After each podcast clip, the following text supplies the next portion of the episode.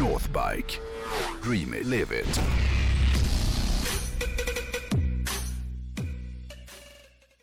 Kommer du ihåg när man var liten? Ja, Ja, men- en svagt.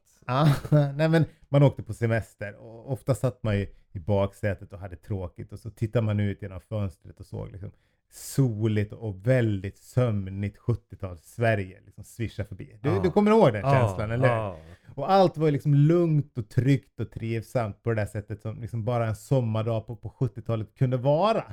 Eh, semestrarna var ju inte så hysteriska när vi var små, utan somrarna i Sverige var ju en tid för liksom familjen att få vila upp sig lite tillsammans. Istället för som nu när man liksom ska stressa runt och försöka hinna med så mycket som möjligt. Ja, det är en jävla skillnad.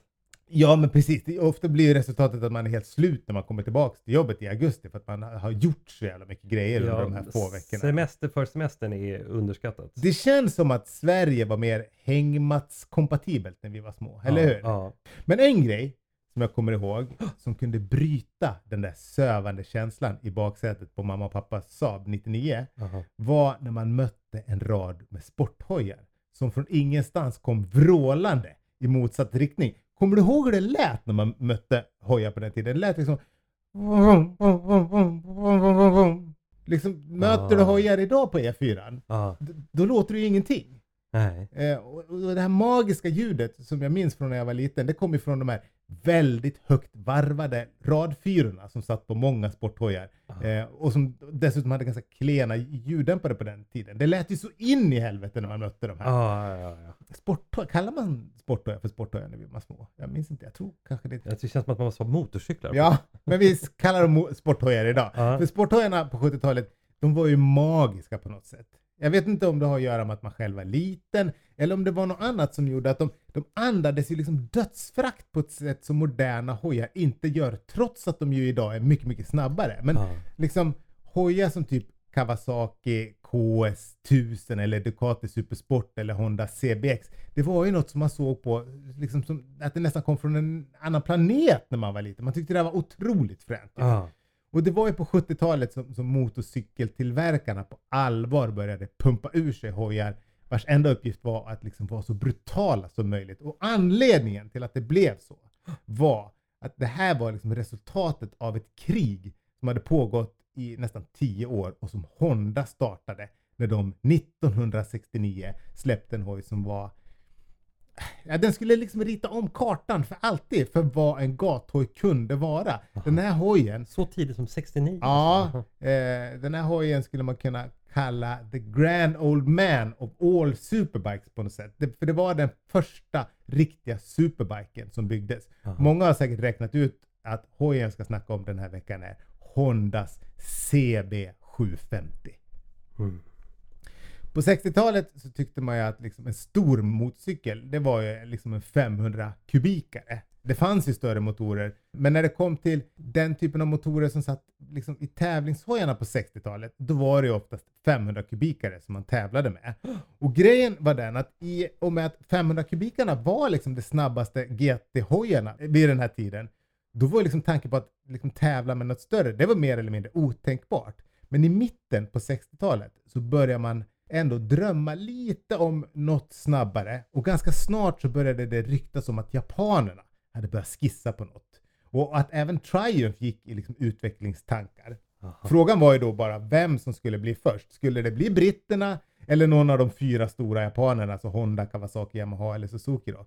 Så under en tid i slutet på 60-talet så var det liksom ett sorts tyst terrorbalans mellan Honda, Kawasaki, Suzuki, Yamaha och Triumph som, som gällde där alla mer eller mindre hade liksom satt sina ingenjörer på att liksom få fram nästa generations superhojar. Då. Jag har hört att det fanns något rykte då som vid den tiden gjorde gällande att, att folk trodde att Honda hade kommit längst.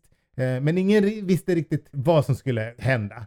Men, men tydligen så ryktades det lite om att Honda hade byggt en radmotor på 750 kubik, men ingen visste om det var sant eller inte. Till exempel så trodde Kawasaki att de ledde kubikkampen och eh, att de också var ganska säkra på att det skulle bli de som var först med att få ut en, en ny hoj på marknaden.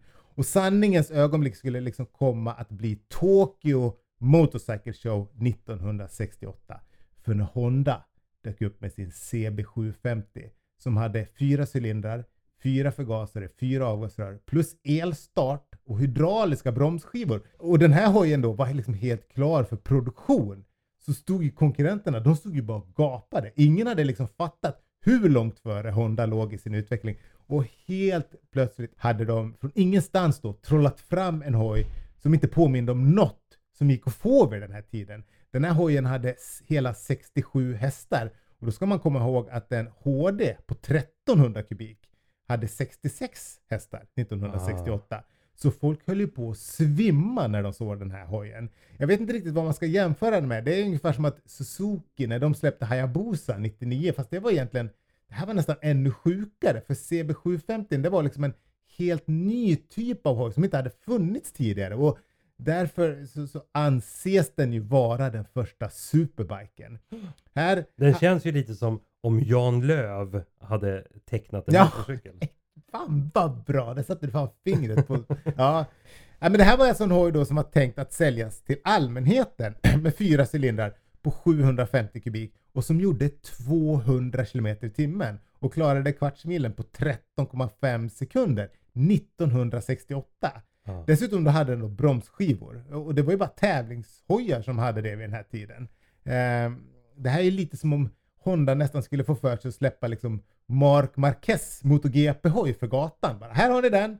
Fast det här är nästan liksom ännu sjukare på något sätt. Ja. Ehm, det här var som sagt 68 och du vet ju hur bilklimatet var i USA 68. Det var ju liksom mitt i muskelbilserans heydays, peak skulle man kunna säga. Ja. Jänkarna har väl aldrig gillat att åka fort och sätta fartrekord så mycket som de gjorde i slutet på 60-talet. Så när de fick nys om den här hojen, äh, den såldes ju, det gick ju som smör. Alltså Ja. det, det sa bara pang när de släppte den här i, i, i, i USA. Från början så tror jag Honda hade räknat med att sälja eh, 1500 hojar per år.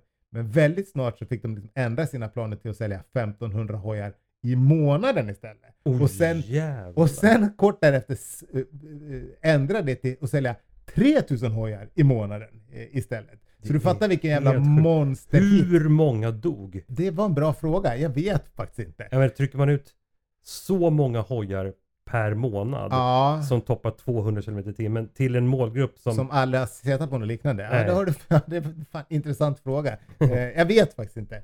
Eh, men resten är ju som man brukar säga historia. På 70-talet så såg vi en uppsjö av snabba motorcyklar från liksom alla varumärken. Triumph släppte sin Trident och Kawasaki lanserade sin H1 Mark 3 och, och, och sen sin H2 Mark 4 och senare även Z1 och Suzuki försökte väl hänga med med sin GT750 och så vidare. Och så vidare. Men ingen av de här, inget av det här spelade egentligen någon roll för Honda hade en gång för alla blivit varumärket som födde hela sporthojsgenren för gatan Ja. och som sagt lanserade urfaden till alla superbikes som skulle komma därefter. Och Hondas stolta CB750, den fanns med i deras modellprogram fram till 2003 när de bestämde sig för att pensionera det här modellnamnet då, vilket jag måste säga är helt idiotiskt. Jag älskar Honda. Det, jag tycker det är ett väldigt bra varumärke. Jag, jag gillar verkligen Honda. Ja. Och, och jag vill inte på något sätt tala illa om dem. Men har man en hoj som har betytt så otroligt mycket för hojkulturen som CB750 gjorde, då tycker jag man nästan är fan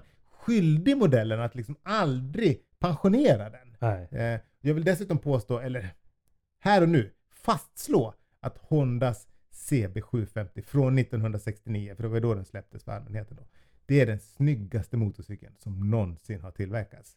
Det här är såklart också en av anledningarna till att också aldrig låta den gå i graven, utan de skulle ha fortsatt att utveckla den här. Men eftersom de nu har gjort det så tycker jag att de ska återinföra den illa kvickt. Speciellt nu när retrotrenden är så jävla stark. Ja. Jag älskar ju deras, både deras CB1000R och deras CB650R. Jag tycker att de, de är skitsnygga, men tänk om de skulle bygga en CB750 eh, som är ännu mera retro med liksom guldtank och kromade fram och bakskärmar och avgassystem. Precis som hojen som de visade upp då på Tokyo Motorcycle Show 1968 fast med moderna komponenter. Om de gjorde det, då skulle jag inte tveka en sekund utan jag ska köpa den direkt. Det hade varit världens ballaste hoj. Ja. Eh, Vi får se vad Honda hittar på i framtiden. Eh, Men visst är den härlig? Ja, Jag, jag, jag gillar den. Det var allt jag hade att bjuda på i, i veckans dealen med hojen.